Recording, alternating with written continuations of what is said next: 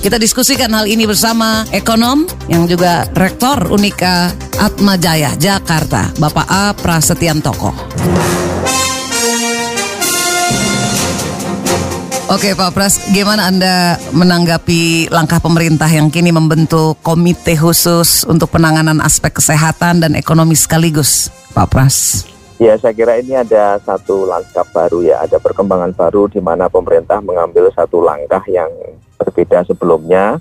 Nah, tentu saja kita harapkan dengan apa keputusan ini, dengan langkah ini, eh, hal-hal eh, yang kita perlukan segera ini memang bisa lebih baik ya penanganannya mungkin selama ini masih koordinasinya kurang.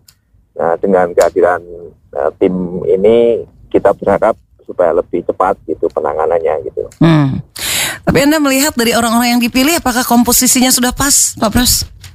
Um, saya tidak mau berkomentar jauh soal kapasitas, tetapi Okay. Saya kira dari sisi apa namanya ruang lingkup apa tanggung jawab saya kira memang ya sudah pas lah dipimpin oleh uh, Menko Perekonomian lalu ada beberapa uh, menjadi wakil dan apa namanya uh, yang lain implementasi dipimpin uh. oleh apa namanya Menteri eh, BUMN gitu ya. ya hmm. Ya kita tunggu aja lah. Saya nggak mau. Oke. Okay. Tentang kapasitas ya. Yang penting secara organisasi mungkin ada bilang nih bagus juga nih ya untuk langkah uh, berikutnya. Oke, okay, kalau di bidang ekonomi Pak Pras, terobosan apa atau langkah taktis apa yang menurut Anda uh, harus mulai dicicil pemerintah nih karena bisa diibaratkan kita lagi terengah-engah bukan Pak Pras? Perlu oksigen, pasokan oksigen baru. Gimana Anda melihat? Iya, kalau dari nature persoalannya saya kira persoalan yang paling utama diperhatikan tentu saja faktor kesehatan ya, artinya hmm. uh, melindungi korban, artinya protecting life dalam arti jangan sampai ada korban yang berjatuhan lebih banyak lagi. Itu itu satu hal hmm. yang mau saya pasti kita mesti harapkan. Yang kedua, saya kira memang ada problema yang mengikuti apa uh, masalah ini yaitu soal um, banyaknya orang yang kesulitan dalam kehidupan sehari-hari, artinya livelihoodnya itu mengalami persoalan lah. Nah ini yang saya kira mesti ditangani oleh tim ekonomi sangat urgent kalau di kesehatan melindungi apa namanya ke kehidupan, kalau di dalam ekonomi melindungi uh, kehidupan dalam arti livelihood ini. Jadi hmm. Uh, karena krisis ini ada semakin banyak orang yang potensi menjadi miskin dan itu harus ditangani. Maka dari itu hmm. uh, kebijakan seperti bansos, BLT dan sebagainya itu uh, ya diperbaiki karena hmm. kita tahu alokasi anggarannya sudah ada, implementasinya sudah ada, tetapi kita juga tahu ada banyak hal yang perlu diperbaiki soal database, soal hmm. efektivitas uh, penerima dan sebagainya gitu. Mm, Oke, okay. nah gimana anda menanggapi soal uh, masih rendahnya serapan anggaran dana insentif untuk dampak COVID-19 yang masih minim ini sehingga membuat presiden marah waktu itu? Ya itu termasuk yang saya kira tidak bisa diterima itu apa pun alasannya gitu karena mm. toh alokasinya sudah ada, uh, masalah di lapangan sudah begitu masif, jadi kan ini ya birokrasi mesti ber, ber, bekerja lebih keras gitu untuk Jangan sampai duitnya ada, masalahnya ada, tetapi simply nggak bisa menyalurkan. Nah itu saya kira problemanya ada di birokrasi dan harus diakui dalam konteks itu ya eh, nggak capable birokrasinya sehingga harus ditransform gitu. Apakah tim ini menjadi salah satu bagian untuk mentransform cara-cara itu? ya kita tunggu nanti hasilnya apakah lebih baik gitu. Hmm, makanya kita butuh ide bagus nih dalam situasi yang serba darurat dan genting ini ide dan mewujudkannya menjadi nyata gitu karena disre, diskresi atau terobosan uh, baru tuh perlu dikeluarkan bukan Pak Pras untuk memecah kebuntuan ini. Seperti apa kira-kira uh, dalam bayangan Anda? Ide sih saya kira udah banyak ya dan saya kira kita sangat cemerlang kalau soal ide, cuman soal implementasi itu bisa lain hal dan kita sangat kedodoran soal itu gitu. Jadi kita harus akui sama-sama bahwa problema kita itu ada di implementasi gitu. Hmm. Dan begitu soal implementasi selalu ah, bukan masalah saya, bukan bidang saya, bukan jalur saya dan sebagainya. Itulah masalahnya gitu hmm. karena semua orang tidak merasa bertanggung jawab untuk sampai ke deliverynya, sampai ke apa namanya uh, ujungnya gitu. Hmm, itu dia ada sekat-sekat birokrasi yang ke ujung sana tuh siapa ntar gitu ya. Hmm, ini kan presiden kerap sekali mengingatkan kepala daerah nih agar mengatur rem dan gas dalam pengendalian COVID-19 sebagai uh, metafora gitu atas keseimbangan antara kesehatan dan ekonomi. Menurut anda gimana mestinya kepala daerah menerjemahkan hal ini, mengatur rem dan gas?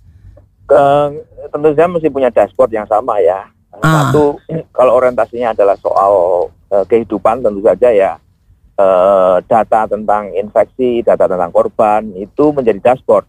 Artinya tidak ada uh, kesempatan untuk membuka ekonomi kalau memang masih merah kan gitu. Hmm. Kalau udah kuning, kalau udah hijau ya mulai dipikirkan bagaimana membuka dan sebagainya gitu. Tetapi secara masif ya. Hmm.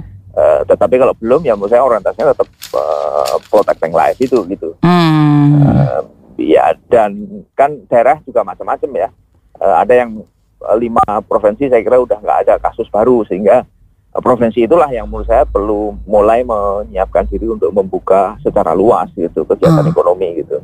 Hmm, ya ya ya ya. Baiklah, Pak Pras, kalau situasi saat ini melihat situasi dan mengalami situasi saat ini itu kita seperti kayaknya ya sedang berada di di bawah ancaman the tyranny of the or gitu. Pilihan ekstrimnya mm, mm, mau mati karena virus atau mati karena kelaparan gitu. the tyranny of or. Gimana Anda melihat oh, ada ya. jalan tengah nggak gitu yang mesti ditempuh agar kita selamat dari dua pilihan ini?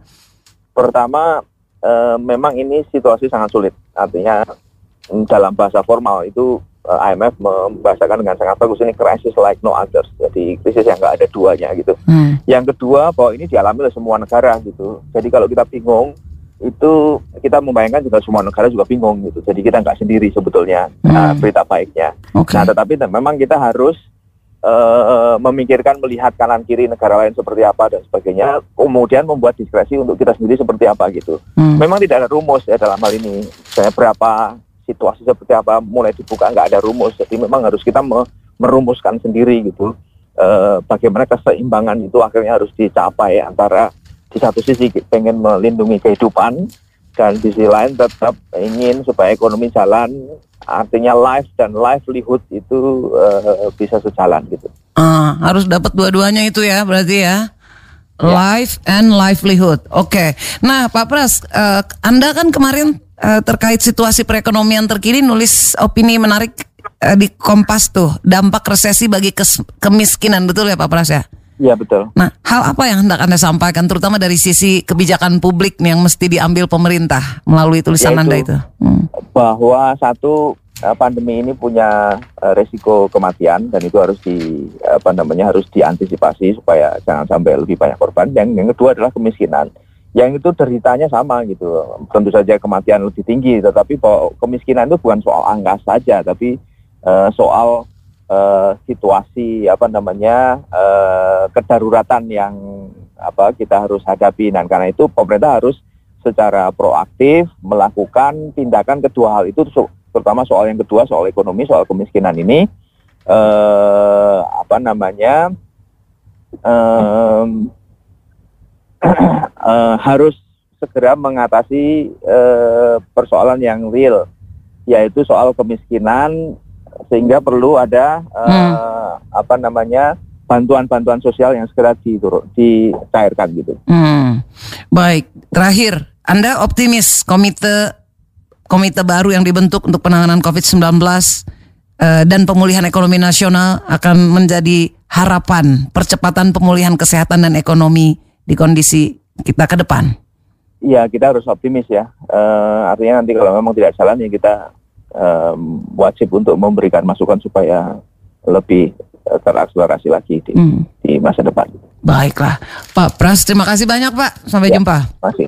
Demikian Mitra Idola, ekonom, Rektor Unika Atmajaya Jakarta, A Prasetyan Toko.